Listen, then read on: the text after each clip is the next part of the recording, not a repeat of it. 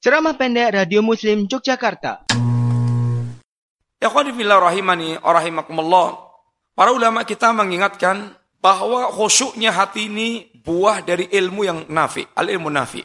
Ilmu seandainya manfaat akan mewariskan hati yang khusyuk. Dan ilmu ketika ilmu itu enggak manfaat, maka akan mewariskan hati yang tidak khusyuk.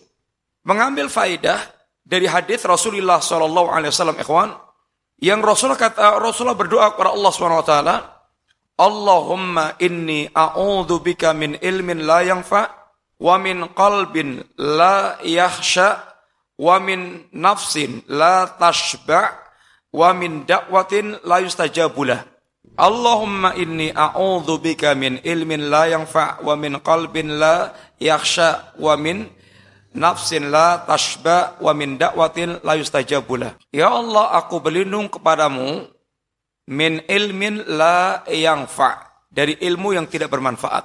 Wa min qalbin la yakhsha dari hati yang tidak khusyuk. Wa min nafsin la tashba dan nafsu atau jiwa yang tidak merasa puas, tidak merasa kenyang-kenyang, tidak merasa puas. Wa min da'watin la yustajabulah dan dari doa yang tidak didengar. Para ulama jelaskan ikhwan bahwa ilmu seandainya manfaat menjadi ilmu nafi, ilmu yang bermanfaat, yakni ilmu yang telah disampaikan kepada dia sampai kepada dia ilmunya sahih dan kemudian ilmu itu manfaat buat dia, maka ilmu itu akan meresap ke hati, meresap ke dalam hati. Kemudian ilmu yang meresap ke hati ini menimbulkan hati yang khusyuk. Hati yang dia memahami benar.